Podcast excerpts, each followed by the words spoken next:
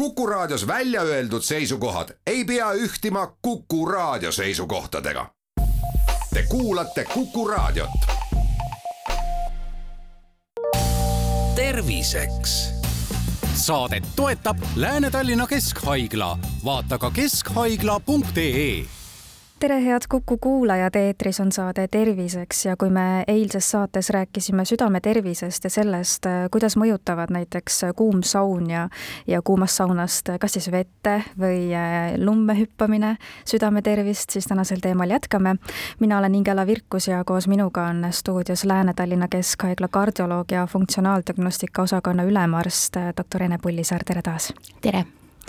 Kuidas siis talisuhtlusega on, et ühest küljest on see ju hea viis enda karastamiseks ja kui me mainisime eelmises saates, et et saunast joostakse külma merre, siis on ju neid julgeid ka, kes äh, isegi ei pea saunast merre hüppama, vaid lähevad otse ujuma, et kas siin võib inimene, kes ise teadlikult talisuplemas käib, oma tervisele kuidagi ka liiga teha?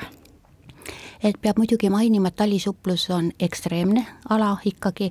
ja talisuplus noortele inimestele on see soovitatav, aga vanemad ja keskealised inimesed peaksid ikkagi vaatama, mis haigused neil on ja vastavalt siis ka konsulteerima võib-olla oma perearstiga, inimesed, kes on ikka südamelihase infarkt läbi põetud või kõrgenenud vererõhk, aordistenoosid või mingid muud põletikud, siis kahtlemata jää talisuplust ei soovita. aga talisuplus on kahtlemata väga iidne karastamisviis, mida tunti juba Hippokratese ajast ja ta siiamaani on ju ikka kogu aeg pidevalt e-, edasi arenenud, nii et ta on oma paiga kindlasti leidnud meie eluviisides. ja kirjanduse andmetel on teada, et kõige noorem talisuppli on üheksa-aastane kõige vanem on kaheksakümmend üks aastat vana,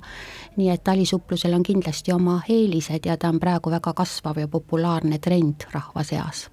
aga talisuplust äh, siis, taliujumine on hoopis teine asi, mis on avatud veekogus ja, ja mis on alla kümne kraadi ja kus siis ujutakse kakssada viiskümmend või siis äh, üks kilomeeter vastavalt siis sellele inimese võimekusele, kes ennem on ikkagi ujumisega tegelenud. Ja ka sellega ju pürgitakse nüüd olüm-, olümpiaaladele taliujumisega, aga talisuplus on ikkagi karastusviis ja seal on ka, et kindlasti tuleb alustada järk-järgult, et ma ei soovita niimoodi, et nüüd täna mõtlen mõtlen ja siis lähen kohe homme saunas siis või tähendab, lähen teen talisuplust, et soovitatakse ikkagi alustada sellega sügisel, siis kui veetemperatuur on viisteist kraadi ja siis kogu aeg käia ujumas ja niimoodi siis ennast järk-järgult karastada. jääauk või koht, kus siis ujutakse, ei tohiks olla väga sügav, ta ei tohiks olla üle pea ulatuv, rõhutatakse alati seda, et peaksid olema kaaslased, et mitte üksinda ei lähe, et seal võivad tekkida siiski ka terviserikked, et kui on abi vaja, siis saab alati abistada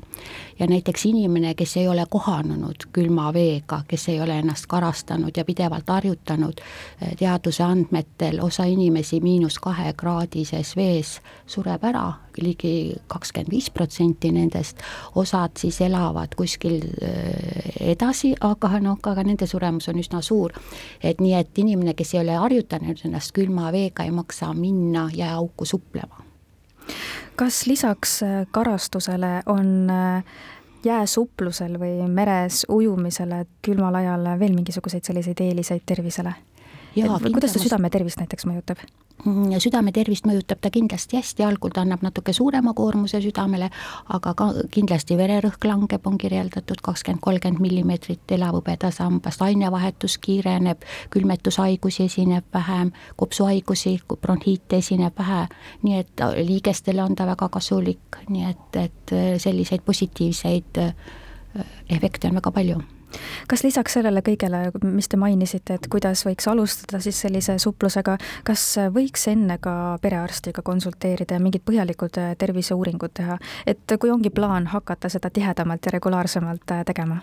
ma arvan, et nooremad inimesed ei peaks seda tegema, et kui neil on enesetunne hea ja erilisi haigusi ei ole, et siis nad võiksid alustada tasapisi talisuplusega, aga kui on vanemad eakad inimesed ja kellel on juba mingid haigused, et siis need peaksid kindlasti konsulteerima oma perearstiga mis testid siis näiteks tehakse või mida üle kontrollitakse no,? võiks tavalise EKG teha, vereanalüüsi ära teha, et ka verehaigused on ju vägagi niisugused salakavalad haigused, vererõhk ära mõõta, EKG ära teha vastavalt kaebustele siis teha ka, võib ka koormustesti ära teha, niisugune väga lihtne raudne rusikareegel on, kui tahad hakata niisuguse ekstreemse spordialaga tegelema,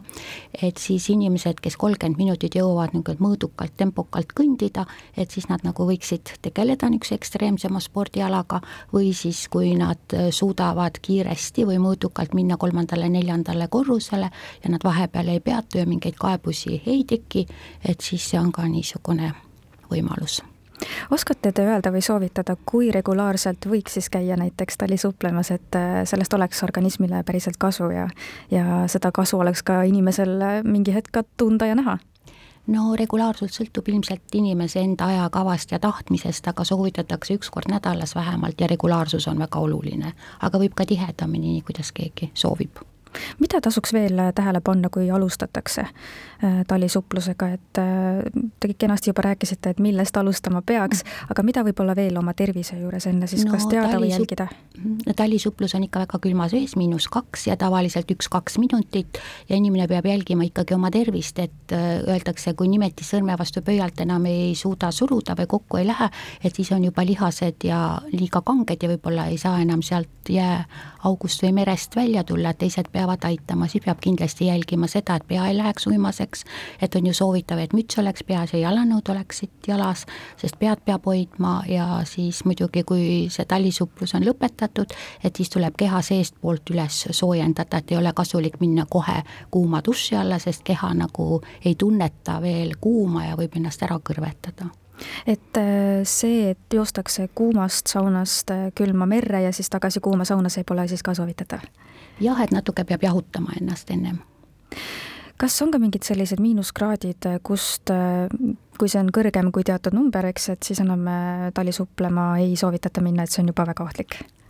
no ma nii täpselt neid kraade ei tea, ma tean, et talisuplus on miinus kahe kraadi juures, et siis on juba päris külm, et tali ujumine on ju alla miinus kümne, et, et, et kui väga, ma ei teagi, kui külmaks see vesi seal võib minna, aga, aga nii on soovitatud mm. -hmm aitäh teile saatesse tulemast, Lääne-Tallinna Keskhaigla kardioloog ja funktsionaaldiagnostika osakonna ülemarst doktor Ene Pullissaar ning palju jõudu ja jaksu teile! aitäh teile! terviseks saadet toetab Lääne-Tallinna Keskhaigla, vaata ka keskhaigla.ee